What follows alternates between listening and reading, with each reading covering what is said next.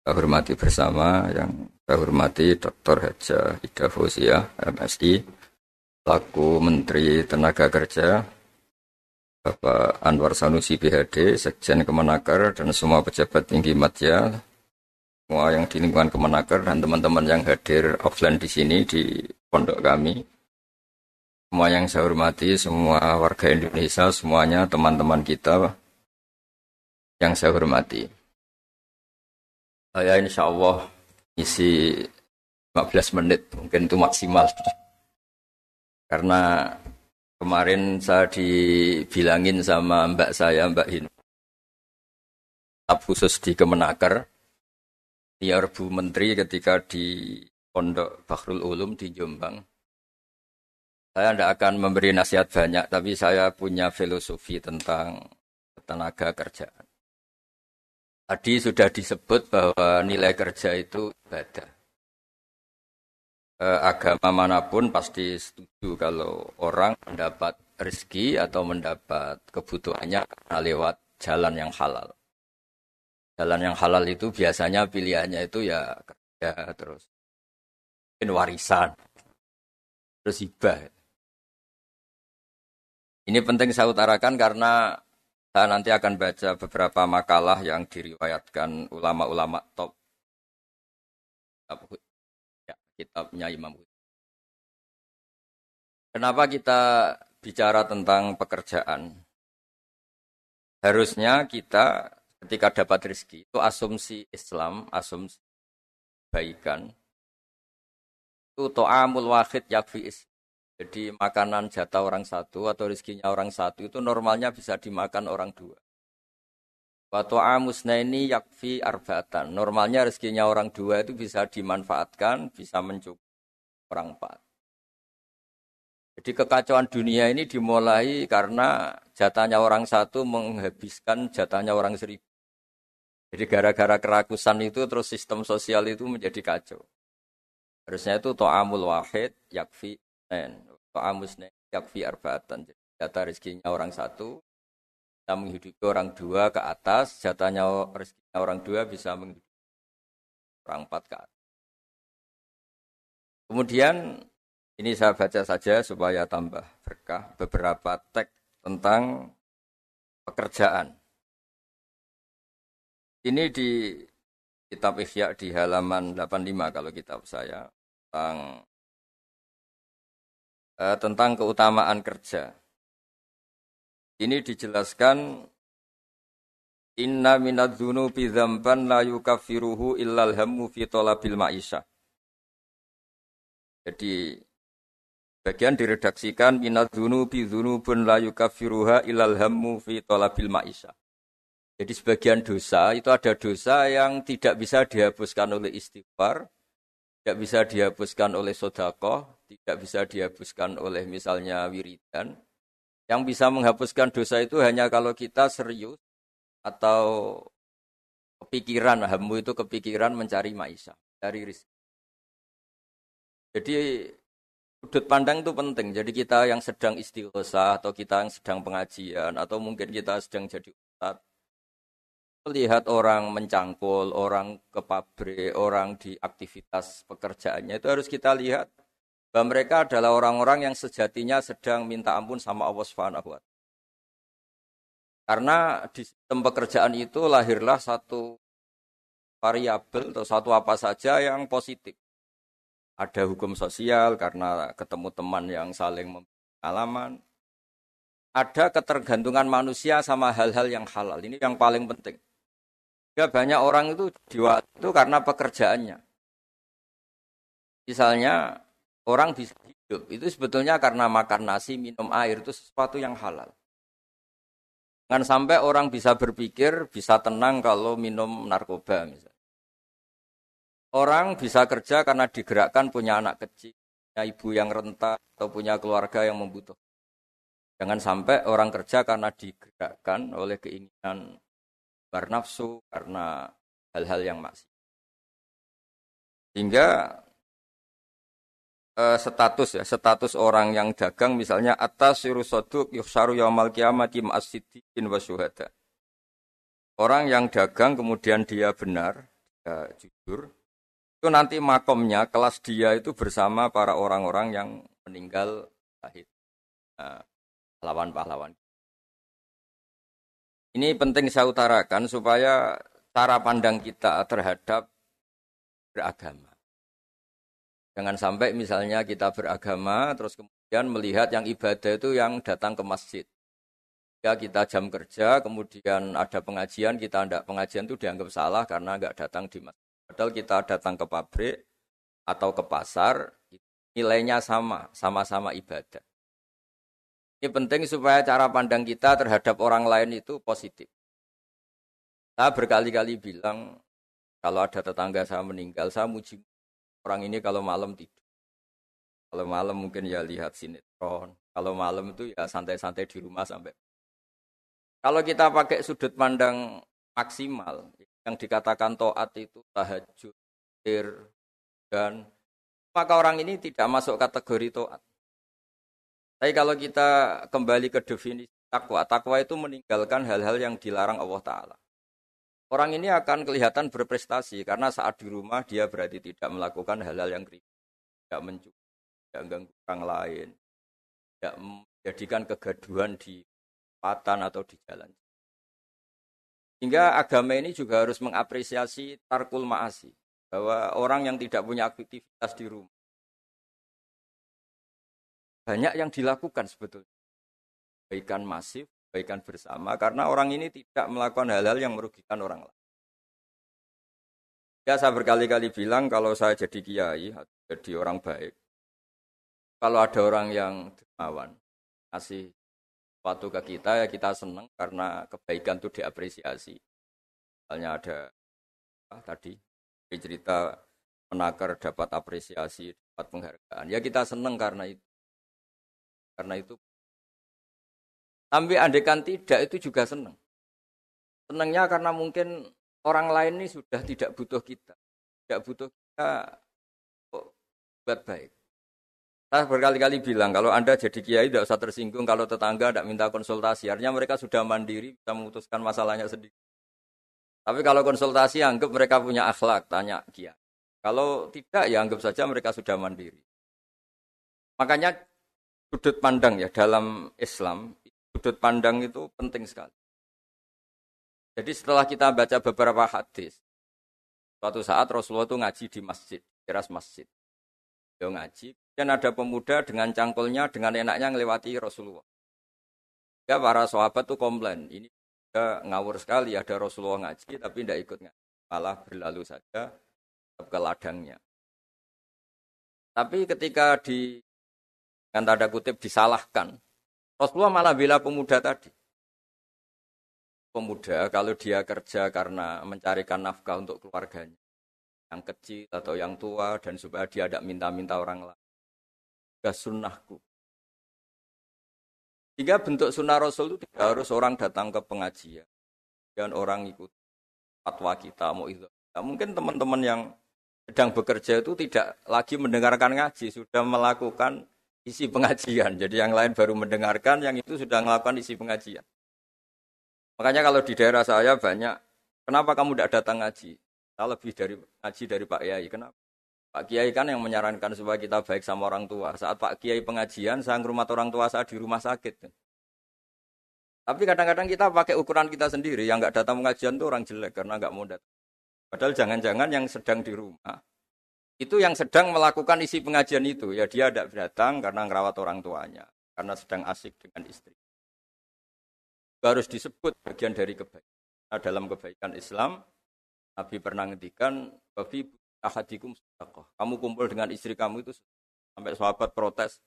Ya Rasulullah, masa ayat ti ahaduna syahwatahu wa walahu ajrun. Masa urusan seneng-seneng sama istri dia dapat pahala.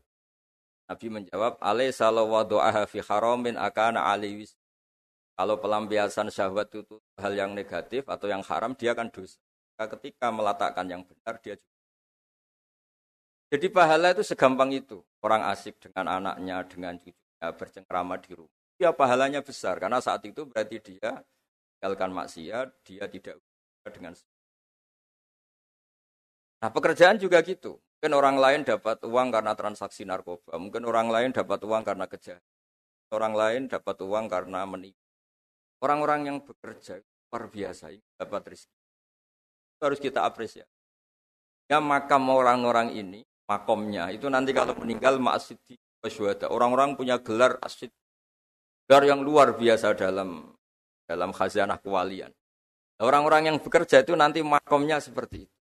Itu adalah e, inspirasi kita yang luar biasa. Hingga nanti kita tidak melihat orang lain itu, wah, wong kok kedoyan tok, orang orientasinya dunia tok bekerja terus. In kaya raya itu. Ya wis. Kita tidak boleh berpikir karena apa pun banyaknya harta di tangan orang-orang halal, tangan orang-orang baik, pasti efeknya juga bisa melahirkan pekerjaan, bisa melahirkan kemanfaatan. Ya Nabi kalau muji pedagang itu, dari sepuluh rizki itu sembilan berkahnya ada di pedagang. Karena kalau pedagang itu kikir, sekikir-kikirnya pedagang, dia harus mengeluarkan uang, bayar supir, bayar satpam, bayar yang ngirim jasanya, dan sebagainya. Ya uang tetap berputar. Tapi sebaik-baiknya Anda kalau tidak dagang itu mungkin uang ditabung, uang mandek. Ya, potensinya itu ikhtikar. Ikhtikar itu menyimpan. Kalau uh, ngelebihi kota tertentu, larang oleh. Karena saya nekun keilmuan agama, maka saya hanya cerita bahwa betapa Allah itu ngapresiasi pekerja. Nabi Dawud itu seorang raja, kaya raya. Tapi beliau tidak mau makan illa mingkas biadi, kecuali hasil hanya sendiri. Masyur itu di riwayat, beliau seorang raja, tapi hanya makan kalau tembikar atau anyaman bambunya atau apalah. Pokoknya dari anyaman bambu itu terjual. Kalau hari itu gak terjual ya gak bisa makan.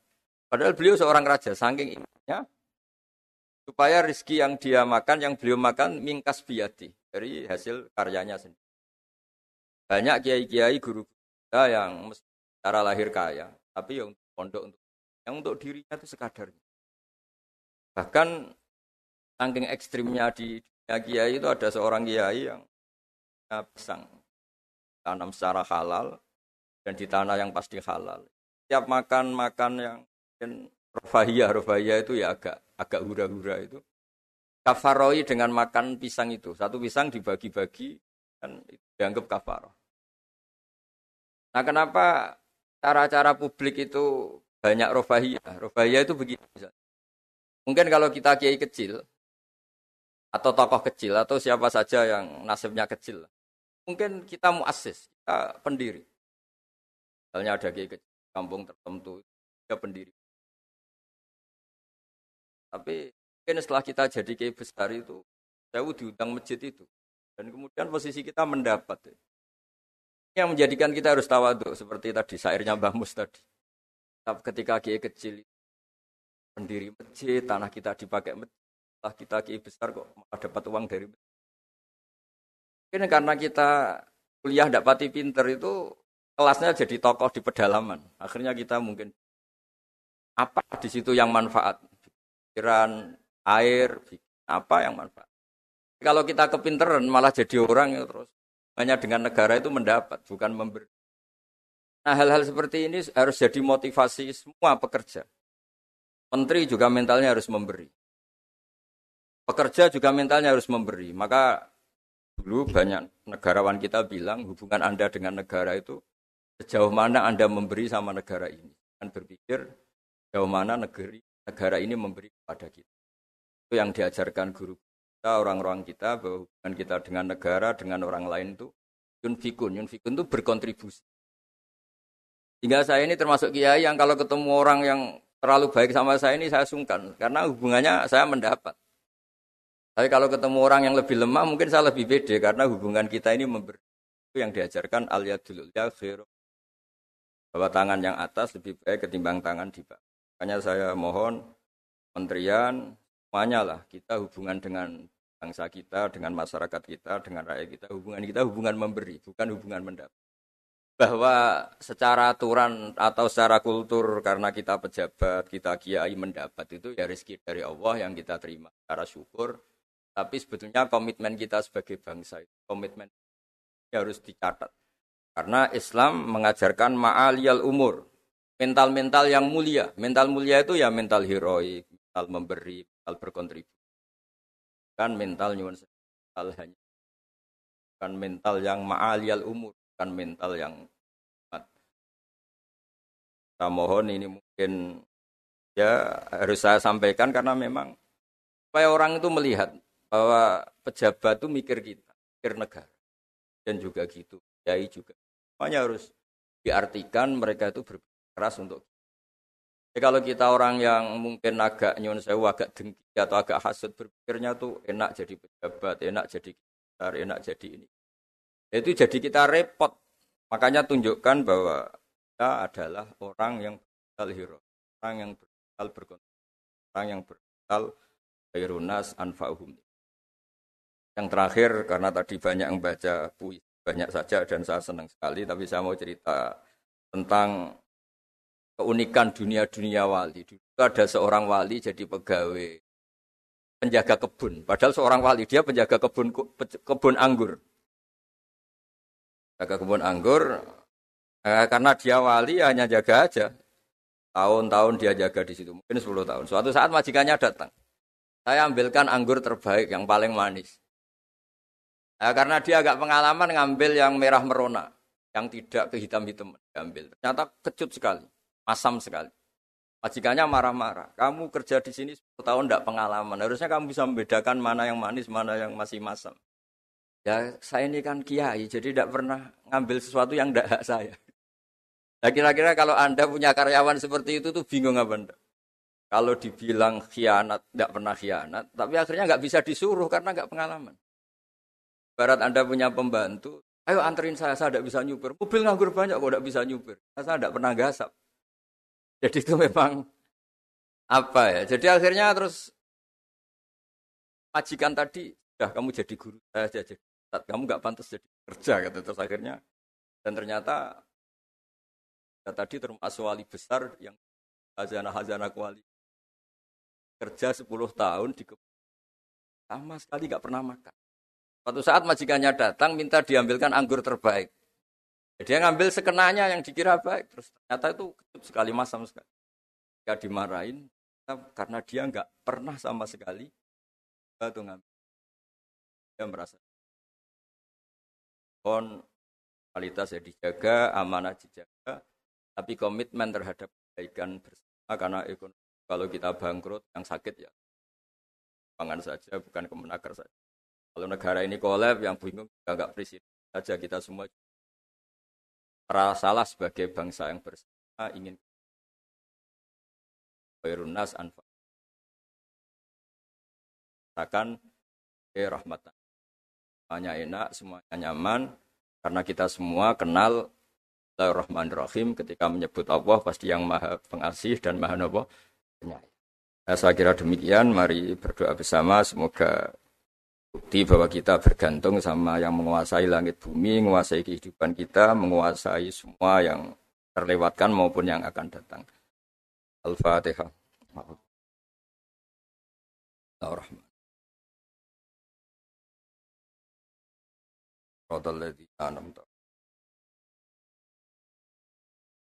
Ahmaduka ya ghafuru ya syakuru masalli wa sallim ala al-bashirin As'aluka bi anna lakal hamda la ilaha illa anta al-hannan al-mannan.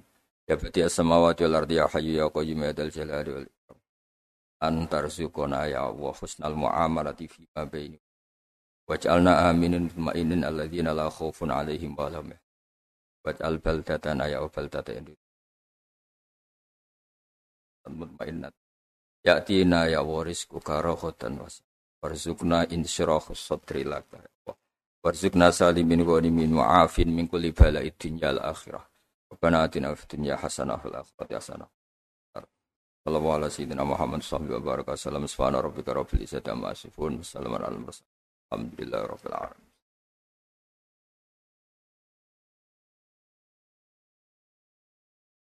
Ya kurang lebih mohon maaf. Assalamualaikum warahmatullahi wabarakatuh.